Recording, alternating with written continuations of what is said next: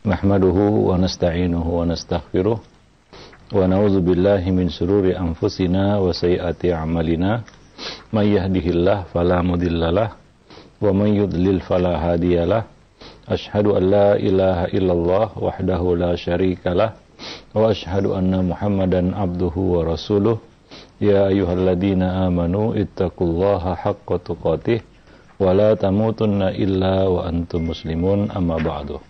فإن أحسن الكلام كلام الله وخير الحدي هدي رسول الله صلى الله عليه وسلم وشر الأمور محدثاتها وكل محدثة بدعة وكل بدعة ضلالة وكل ضلالة في النار para pemerhati roja kaum muslimin dan muslimat yang dimuliakan Allah Pertama kita bersyukur pada Allah Subhanahu wa taala atas segala nikmat dan karunia yang Allah limpahkan kepada kita. Salawat dan salam atas nabi kita Muhammad sallallahu alaihi wasallam, keluarga beliau, sahabat beliau dan umat beliau sampai hari kemudian. Para pemerhati roja, kaum muslimin dan muslimat yang dimuliakan Allah, kita kembali bertemu pada Senin siang ini masih bersama buku Talbis Iblis kita akan melanjutkan poin-poin yang ada di dalam buku ini. Terakhir kita bahas yaitu talbis iblis terhadap kaum sufi terkait sikap meninggalkan kewajiban-kewajiban seperti sholat Jumat, sholat berjamaah dengan dalih menyendiri ataupun uzlah. Ya. E, dan tentunya uzlah ini ya ada kaidah-kaidah yang mesti diperhatikan. Ya. E, ada momen-momen di mana Nabi menyontohkan kita dan menganjurkan kita untuk melakukan uzlah atau di dalam istilah lain disebut iktikaf. Ya.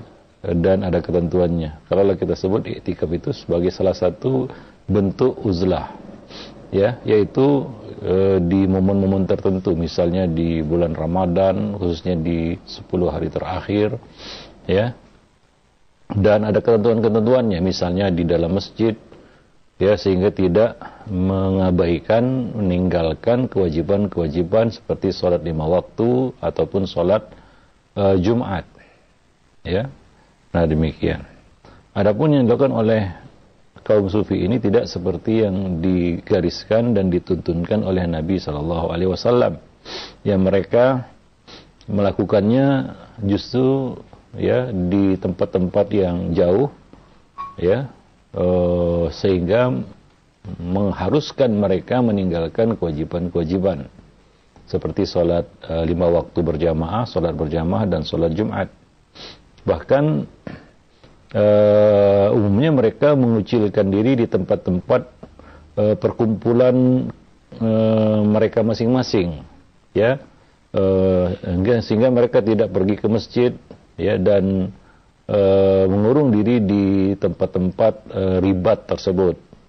Bahkan mereka me, me, me, me, menganjurkan ataupun melakukannya ya misalnya dengan e, melakukannya di tempat yang gelap, ya, tanpa cahaya, dan beberapa dan berpuasa wisol terus menerus ya, yaitu jatuh dalam hal-hal yang ya tentunya dilarang, ya, para pemerhati roja kaum muslimin dan muslimat yang dimuliakan Allah, ya, nah demikian.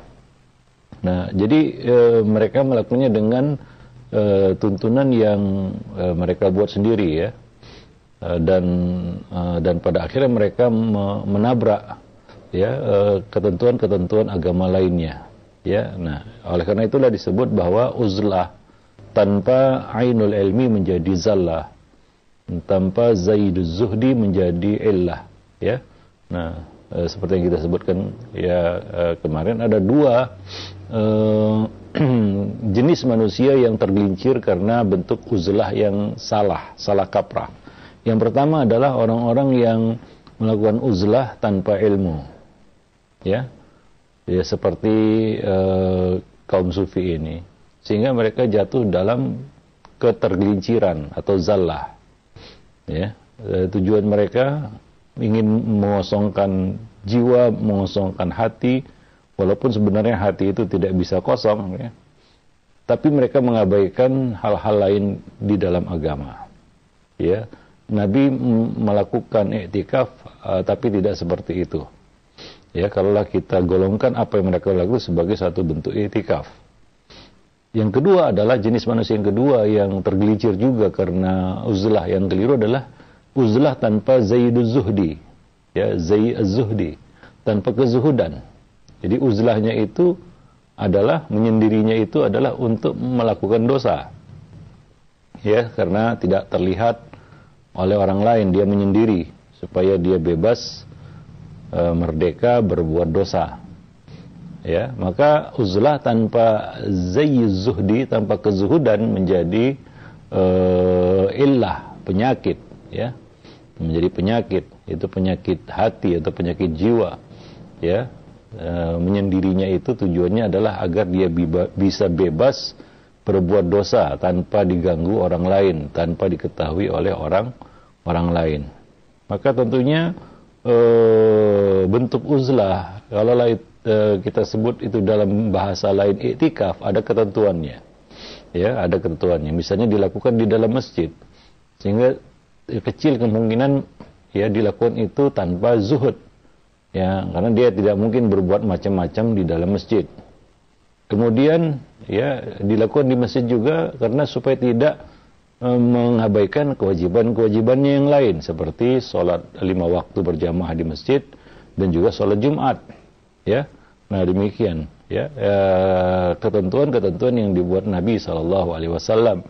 Kalau ingin melakukan menyendiri ya dan itu juga dilakukan e, dengan batas-batas tertentu ya batasan-batasan tertentu dan momen-momen tertentu juga. Seperti misalnya di akhir Ramadan, ya seperti yang sering dilakukan oleh Nabi Shallallahu Alaihi Wasallam. Ya, nah demikian. Nah, maka di sini e, iblis, syaitan me menyesatkan ataupun menggelincirkan dua jenis manusia dengan alasan menyendiri ataupun uzlah. Ya, nah, maka dari itu ya segala sesuatu tentunya harus mengikuti tuntunan uh, Nabi SAW di dalam menjalankan hal-hal yang berkenaan dan berkaitan dengan agama kita ya. Nah demikian. Berikutnya kita akan lanjutkan. Itu pertemuan kita pada Senin yang lampau ya.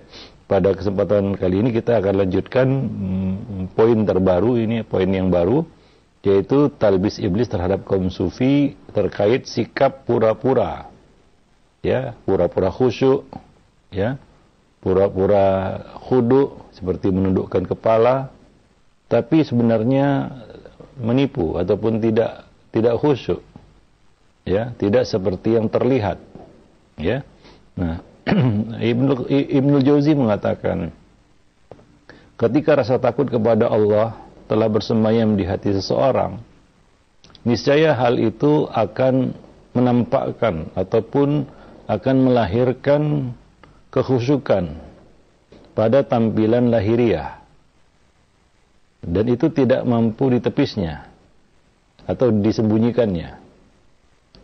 Kita akan Anda akan melihatnya menundukkan kepala bersikap sopan rendah hati ya dan sejenisnya ya. Meskipun demikian ya itu indikasi yang nampak dari munculnya rasa takut di dalam hati ya kita tidak bisa menyembunyikannya. Ya menyembunyikan menyembunyikan rasa takut kita misalnya kepada Allah Subhanahu wa taala. Ya akan muncul secara natural kita katakan ya. Ya rasa takut itu akan munculkan ya satu sikap yang natural. Misalnya menundukkan kepala kita um, berhati-hati ya kita um, bisa melihat orang yang um, berhati-hati misalnya ya. Karena karena rasa takutnya kepada Allah Subhanahu wa taala ya. Nah demikian. Akan nampak dia. Ya, dia menjadi orang yang rendah hati misalnya ya. Nah, akan nampak indikasinya. Walaupun demikian, meskipun demikian, ya. Walaupun dia e, tidak di apa namanya kita katakan tidak direncanakan, ya tidak dibuat-buat dia muncul. Begitu saja. Namun para salaf berusaha keras menutupi tampilan lahiriah ini.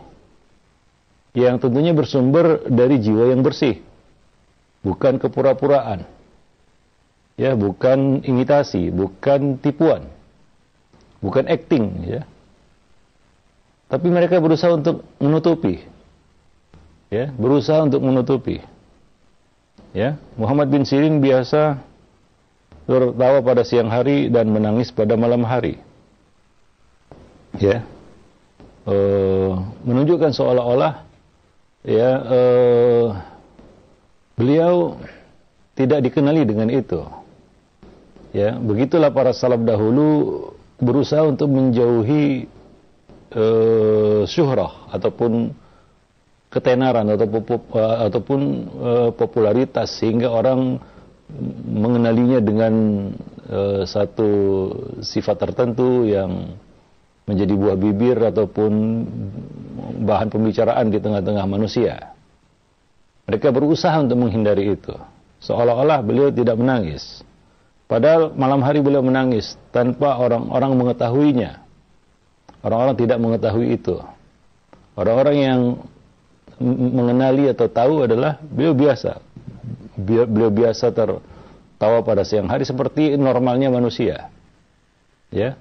Dan seolah-olah mereka beliau tidak menangis, padahal beliau menangis pada malam hari. Ya, namun perlu dicamkan. Meski kita menukir riwayat Ibnu Sirin ini, bukan berarti kita memerintahkan orang seorang alim untuk bersikap tergembira di hadapan khalayak, khalayak ramai ya, bukan. Ya, nah demikian. Karena itu juga bisa menjatuhkan muruah dia juga ya. Nah, mengusik mereka juga. Nah, demikian ya, bukan itu maksudnya di sini kata beliau. Namun untuk menjelaskan satu sisi lain, yaitu bagaimana para salaf dahulu berusaha untuk menyembunyikan sesuatu ya eh, yang mereka lakukan karena menghindari eh, ketenaran ataupun popularitas, syuhrah, ya. Mereka tidak ingin menjadi buah bibir dan dibicarakan orang. Ya, nah disebut-sebut orang. Ini suatu beban ya, karena popularitas itu beban. Ya, beban berat. Ya, dan kadang-kadang menyeret kita untuk berpura-pura jadinya. Ketika kita tidak mampu mempertahankannya, maka kita akan berpura-pura. Apa kata orang, saya dikenali seperti ini. Ternyata menampilkan sesuatu yang lain. Maka kita pun memaksakan diri dan kadang-kadang bersikap pura-pura. Nah ini yang ingin dihindari oleh para salaf dahulu ya. Nah demikian. Wallahu alam bisawab. Nah itu yang dilakukan oleh Muhammad bin Sirin. Dan di sini digaris atasi oleh Ibnul Jauzi ya, bukan artinya uh, uh, melakukan uh, para ulama yang lain atau orang yang lain melakukan hal yang seperti hal yang sama seperti itu, tidak. Ya, hanya saja sisi yang ingin di, di, di memunculkan di sini adalah bagaimana uh, para salaf dahulu berusaha untuk menyembunyikan amal kebaikan mereka, ya Nah demikian. Jadi mereka tidak mau menampilkan sesuatu yang semu, ya penuh dengan kepura-puraan dan tidak uh, real, ya. Nah demikian. Diriwayatkan dari Ali radhiyallahu anhu, ya, dia mengatakan saat menyampaikan ilmu kendalikan diri kamu. Ketika menyampaikannya jangan campuri ia dengan tawa. Karena perbuatan ini bisa memuakkan hati orang-orang yang mendengarnya. Ya, sikap seperti ini bukan riak tetapi hati orang-orang awam terlalu polos untuk dapat memahami sikap seorang alim. Maka ia tidak boleh permisif terhadap hal-hal mubah. Dengan kata lain, selayaknya ulama menghadapi khalayak dengan sikap yang anggun dan santun. Ya karena awam kadang-kadang tidak melihat apa yang kita katakan. Tapi mereka merekam apa yang mereka lihat dari apa yang kita lakukan. Dan mereka mengambil kesimpulan sendiri. Wah berarti boleh, berarti ini suatu yang dibenarkan dan sejenisnya. Itu kemampuan banyak orang awam. Kemampuan mereka untuk memahami apa yang disampaikan sangat lemah. Sementara mereka sangat cepat untuk meniru apa yang mereka lihat. Maka dikatakan oleh Imam Ahmad dari e, banyak orang-orang ya yang menghadiri majelisku Hanya segelintir orang yang memahami ilmu dan selain selebihnya lagi adalah mereka melihat ya akhlak dan adab ya. Nah demikian. Jadi mereka eh, lebih uh, uh, melihat apa yang uh, mereka akan mengikuti apa yang mereka lihat daripada mengikuti apa yang mereka dengar ya. Penjelasan yang mereka dengar. Karena kemampuan mereka untuk memahami ini orang awam ya memahami apa yang kita sampaikan itu kadang-kadang sangat lemah. Oleh karena itulah ya eh, seorang alim harus menjaga sikap di hadapan orang-orang awam itu. Ya, nah demikian. Ini juga sebagai pelajaran. Ini bukan sikap kepura-puraan, tapi e, untuk satu maslahat. Agar orang-orang awam itu tidak terfitnah dengan apa yang mereka lihat. Wallahu alam bisawab. Yang tercela adalah berpura-pura khusyuk. Ya. Nah, berpura-pura khusyuk. Berpura-pura menangis, berpura-pura menundukkan kepala agar dipandang sebagai orang zuhud oleh manusia. Hingga mereka berebut untuk misalnya berjabat tangan, mencium tangannya, mengalu-alukannya, ya, dan dan ini bisa sampai kepada ya orang-orang awam itu mengkultuskan orang tersebut, ya, mengkultuskannya. Ya, nah lebih jauh mungkin ada seorang dari mereka yang meminta kepadanya, minta doa misalnya tolong tolong doakan kami. Ya. Lalu dia pun mendoakannya seakan-akan doanya pasti dikabulkan. Orang yang mustajab doa. Ya kita tahu beberapa sahabat yang mustajab doa mereka tidak kita dapat riwayat bahwa orang-orang berbondong-bondong ya berbaris di depan pintu rumahnya untuk minta didoain. Ya, nah padahal mereka orang-orang yang dikabarkan Nabi termasuk orang yang mustajab doanya. Ya, nah demikian. Jadi sebelum ya, sebelumnya ya, ya beliau yaitu kami Ibnu Jauzi mengatakan menukil satu riwayat dari Ibrahim An-Nakhai bahwasanya seorang meminta kepadanya ini dari riwayat yang beliau nukil dari Ibrahim An-Nakhai. Bahwa ada seseorang meminta kepadanya. Apa permintaannya? Tolong doakan kami. Mendengar hal ini, Ibrahim tidak menyukainya dan marah kepada orang itu. Ya, marah kepada orang itu. Ya, uh, tentunya riwayat ini harus kita pahami dengan benar ya. Bukan Ibrahim An-Nakhai bersikap sombong, arogan, kasar dan menolak permintaan orang ini, bukan. Tapi ada indikasi lain ya. Indikasi lain yang beliau lihat bahwa ini akan menjurus kepada pengkultusan ya, mengagungkan lebih daripada semestinya ya dan indikasi-indikasi indikasi negatif lainnya. Seperti hari ini ya mungkin banyak orang-orang seperti itu akhirnya. Ya. Nah, sedikit-sedikit minta tolong minta doa ya. Akhirnya seperti ya apa namanya kita katakan ya eh, pawang doa istilahnya. Ya, minta doa, minta doa. Ini salah satu yang dibolehkan minta doa kepada orang soleh. Tapi kita lihat ya, eh, sebagian orang ya menjadikan itu sebagai ya kita katakan ajang untuk kultus individu. Dan setan bisa membawa kepada arah yang lebih buruk yaitu ketika orang ini mati maka orang-orang akan berdoa di kuburnya. Minta doa di kuburnya. Bisa jadi karena pengkultusan yang berlebih-lebihan itu akan membawa ke situ. Maka Ibrahim An-Nakhai di sini ya riwayat ini dalam riwayat ini bukan berarti beliau menolak permintaan orang yang minta doa kepada beliau atau bersikap arogan, sombong atau tidak mempedulikan orang-orang yang e, tulus mungkin minta doa kepada beliau enggak.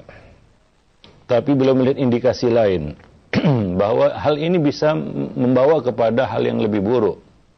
Ya, bahwa kebiasaan ini dilakukan bukan hanya kepada beliau tapi kepada yang lainnya ya sehingga menjadi satu uh, tradisi yang uh, apa namanya ya uh, sebagian orang bahkan Ada yang minta doa kepada orang gila bahkan.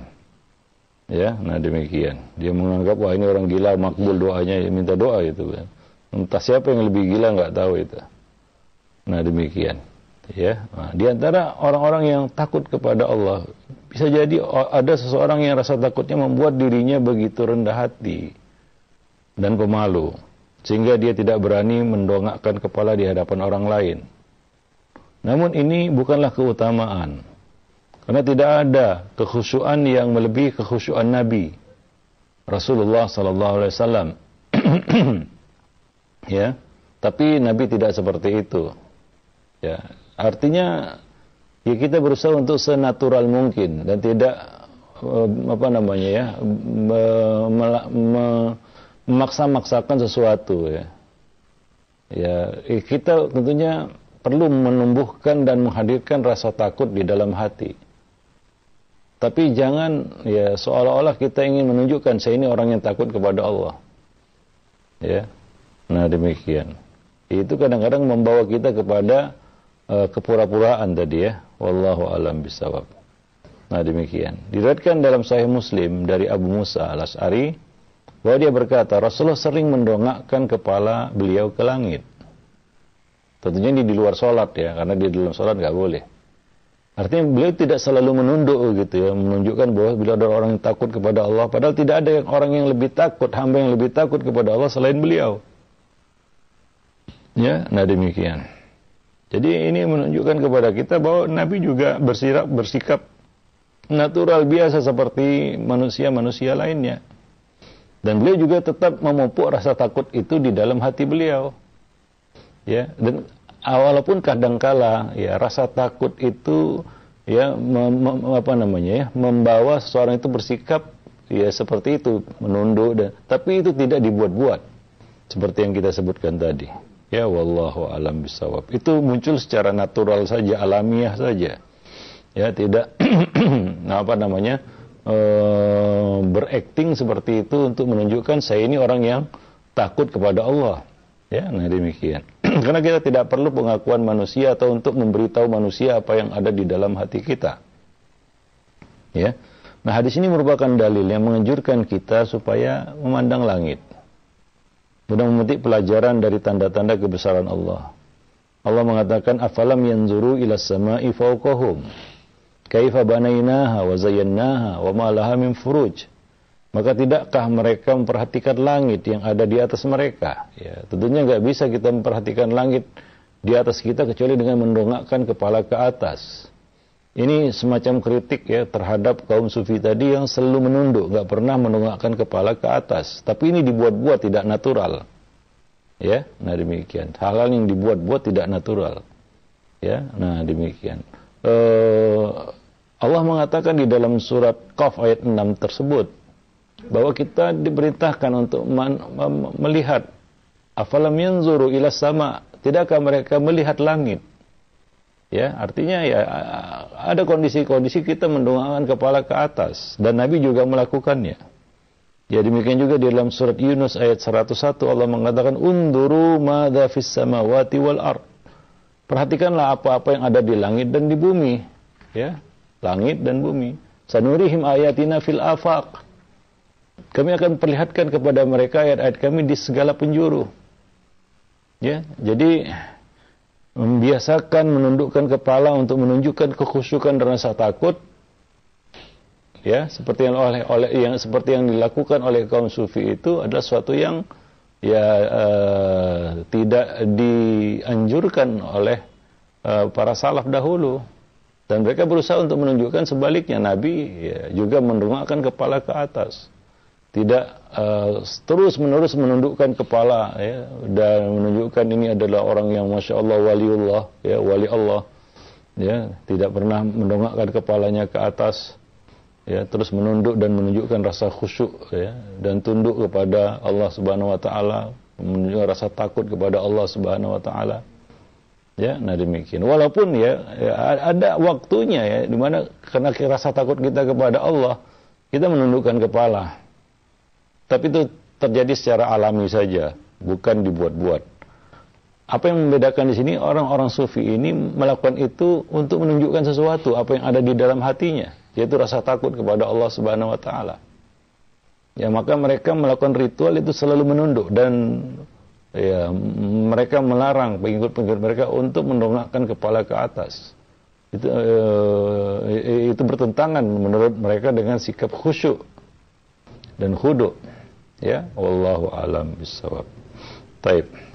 Nah, Eh, selain itu mereka menambahkan isyarat tasbih yakni menyerupakan Allah dengan makhluk. Yang jelas ini adalah satu perbuatan yang bid'ah. Ya, andai mereka tahu bahwa menundukkan kepala karena malu kepada Allah sama saja dengan mendongakannya, tentu mereka tidak melakukan hal itu. Ya, namun apa boleh di, apa, apa boleh dikata? Iblis telah mengelabui orang-orang jahil ini yang tugas utamanya memang mempermainkan mereka. Ya, jadi demikianlah. Ya, bagaimana hmm, iblis ya mem memperdaya ya manusia karena kejahilan mereka. Ya, wallahu alam bisawab. Ya, karena e, misalnya ya kita katakan tadi disebutkan di sini ya bahwa e,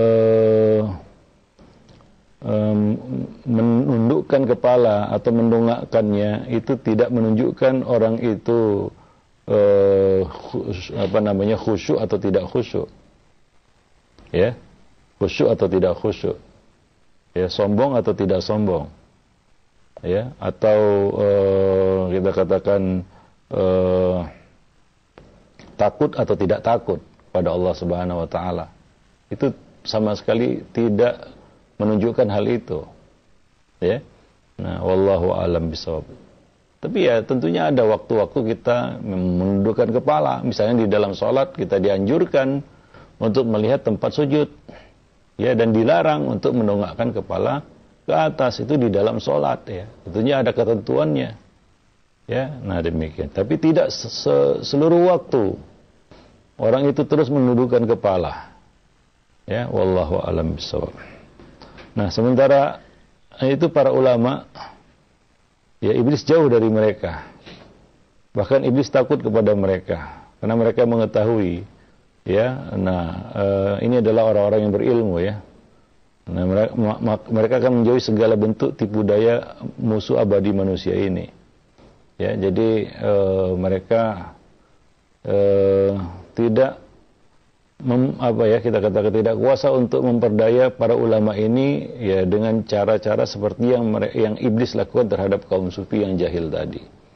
Inilah yang membedakan ya antara ilmu dan kejahilan ya. Nah demikian wallahu alam bisawab. Diriwayatkan dari Abu Salamah bin Abdurrahman. Dia berkata, sahabat-sahabat Rasulullah tidak menyimpang dan tidak pula lemah mereka biasa menyenandungkan bait-bait syair di majelis-majelis mereka dan menyebut-nyebut kenangan masa jahiliyah. Namun apabila salah seorang dari mereka tersinggung lantaran suatu hal yang terkait dengan urusan agamanya, maka kelopak matanya berputar seakan-akan ya dia adalah orang yang tidak waras. Artinya mereka akan menunjukkan reaksi gitu ya. Ketika agama Allah dipermainkan misalnya. Nah, tapi dalam uh, kondisi-kondisi yang lainnya, mereka bersikap biasa. Mereka biasa berkumpul, menyenandungkan bait syair ya, di majelis-majelis yaitu ya, seperti syair-syair untuk menunjuk, uh, menumbuhkan semangat ya, dan sejenisnya, membela kebenaran dan mematahkan kebatilan. Ya, nah biasa juga menyebut-nyebut kenangan masa jahiliyah dulu. Ya, biasa seperti obrolan kebanyakan manusia ya. Kalau kita berkumpul dengan uh, teman-teman kita, sahabat-sahabat kita, ya kita juga biasa membicarakan hal-hal lain selain masalah-masalah agama kan begitu ya. Enggak melulu kita kita kumpul harus bicara agama kan begitu. Nah, kadang-kadang kita membicarakan hal yang, yang lainnya itu biasa. Namun apabila salah seorang dari mereka ya tersinggung karena agama Allah di permainkan misalnya atau dilecehkan maka mereka menunjukkan reaksi ya ada momen di mana kita ya bersikap tegas ya bersikap uh, apa namanya tegas Uh, ada di mana kita ya bersikap uh, santai ataupun lebih lebih luas dan lebih santai lagi. Wallahu a'lam bisawab. Nah demikian. Dinukil dari Umar bin Khattab bahwa suatu ketika ia melihat seorang pemuda yang menundukkan kepala. Umar pun kemudian berseru kepada si pemuda, "Hai anak muda, angkatlah kepalamu." Kekhusyuan yang hakiki tidak lebih daripada dari apa yang ada dalam hati. Ya. Artinya tidak usah ditunjukkan apa yang ada di dalam hatimu, bahwa ini orang takut kepada Allah ya. Siapa saja yang menampakkan kekhusyukan melebihi apa yang ada di dalam hatinya, berarti dia sedang mempertontonkan kemunafikan di atas kemunafikan. Ya. Nah, kemunafikan di atas kemunafikan. Wallahu alam bisawab. Nah, demikian juga diriwayatkan dari Asim bin Kulayb Al-Jarmi, dia berkata, ayahku berpapasan dengan Abdurrahman bin Al-Aswad yang sedang berjalan kaki. Ketika berjalan, Abdurrahman biasa berjalan sejajar dengan tembok. Seraya menampakkan kekhusyuan seperti itu. Ya. Maka Abu Bakar sedikit memiringkan leher. Lalu ayahku Abu Malik bertanya, setiap berjalan, mengapa engkau selalu berjalan sejajar dengan tembok? Demi Allah, Umar berjalan dengan cara menginjakkan kaki kuat-kuat di atas tanah dan bersuara keras. Artinya, ya biasa, ya tidak apa ya kita katakan berakting seolah-olah sesuatu yang khusyuk atau orang yang khusyuk dan uh, apa ya kita katakan menunjukkan uh, bahwa dia ada orang yang takut kepada Allah gitu ya. Ya, nah demikian. Uh, Ibnu Ibnu Jauzi mengatakan salaf biasa menutupi kondisi mereka dan meninggalkan sikap pura-pura. Ya biasa aja. Suatu yang natural yang biasa kita lakukan. Ya, hal hal itu seperti yang telah kita kemukakan dari Ayub As-Sakhtiyani bahwa pakaian yang dikenakannya agak panjang, tidak lain agar dapat menutupi kondisinya. Sufyan Ats-Tsauri berkata, "Aku tidak menganggap amalanku yang terlihat." Ya, beliau mengatakan, "Aku tidak menganggap, tidak menghitung amalanku yang terlihat." Sufyan berseru kepada temannya yang sebelumnya dia lihat mengerjakan sholat. Dia berkata, berani-beraninya kamu sholat kala orang-orang melihatmu. Ya, nah demikian. Diriwayatkan juga dari Muhammad bin Ziyad, dia berkata, suatu ketika Abu Umamah melintas di dekat orang yang tengah sujud. Abu Umamah berkomentar, beliau berkomentar, sungguh bagus sujud ini, andai kamu kerjakan di rumah. Mungkin orang itu sujud lama kali ya. Ada sebagian orang yang menunjukkan amal yang kayaknya luar biasa spektakuler di depan orang banyak. Maka beliau berkata kepada orang ini, sungguh bagus sujud ini, andai kamu kerjakan di rumah, ya, andai kamu kerjakan itu di rumah. Maka Syafi'i mengatakan dalam satu syair ya, tinggalkanlah orang yang bersikap kalem di hadapanmu, padahal ketika sendirian mereka bak serigala yang buas. Ya, eh, di depan orang banyak atau di tengah-tengah manusia kalem, tapi kalau sendiri bak serigala buas. Wallahu alam bisawab. Artinya para salaf dahulu tidak menyukai sikap kepura-puraan.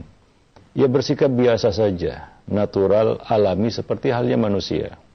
Tidak perlu kita memaksakan diri untuk menunjukkan apa yang ada di dalam hati kita, walaupun itu ada. Ada khusyuk, ada rasa takut, tapi tidak perlu di, uh, berakting seolah-olah menunjukkan itu ada di dalam hati saya. Ya, maka itulah pelajaran yang bisa kita petik dari para salaf. Mereka beramal, tapi mereka berusaha untuk seolah-olah ya amal itu suatu yang tidak ada pada mereka. Ya, seperti perkataan As-Sauri tadi, aku tidak menganggap amalan-amalanku yang dilihat orang gitu. Dia tidak hitung itu. Ya, nah demikian. Wallahu a'lam bishawab. Jadi dari sini kita ambil keteladanan para salaf bagaimana mereka menyeimbangkan antara apa yang ada di dalam hati dengan apa yang mereka nampakkan kepada manu, manusia ya? Berbeda dengan kaum sufi ini ya.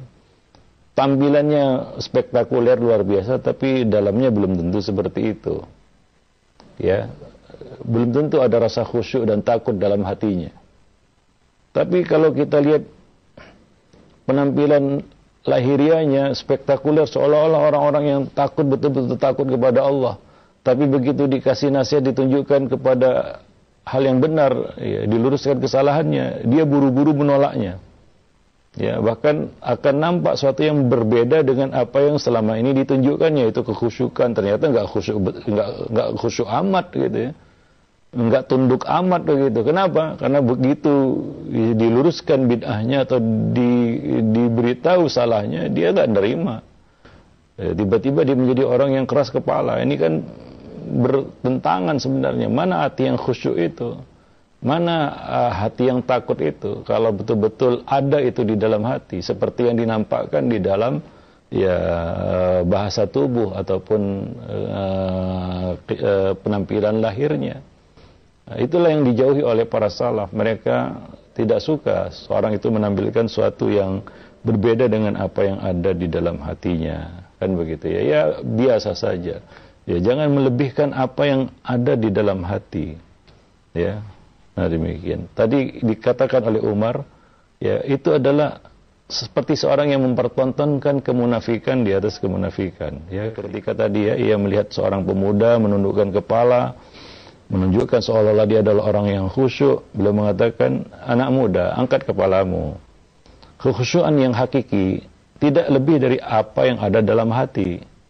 Siapa saja yang menampakkan kekhusyukan ya yaitu yang lahir pada dirinya ya melebihi apa yang ada dalam hatinya maka dia sedang mempertontonkan kemunafikan di atas kemunafikan artinya seolah-olah khusyuk padahal nggak nggak khusyuk khusyuk amat sebagaimana yang kita sebutkan tadi ya ya seolah-olah tunduk padahal nggak tunduk tunduk kali dia ya terbukti ketika dibawa ataupun diarahkan kepada kebenaran dia tidak mau menerima dinasihati dia buru-buru menolak bahkan marah, bahkan murka, bahkan ngamuk mungkin. Wallahu alam bisawab. Nah demikian. Tapi itu uh, materi kita pada kesempatan siang ini mudah-mudahan ya bermanfaat bagi kita semua. Aku lu qauli hadza astaghfirullah li walakum lisairil muslimin innahu huwal ghafur rahim. Assalamualaikum warahmatullahi wabarakatuh.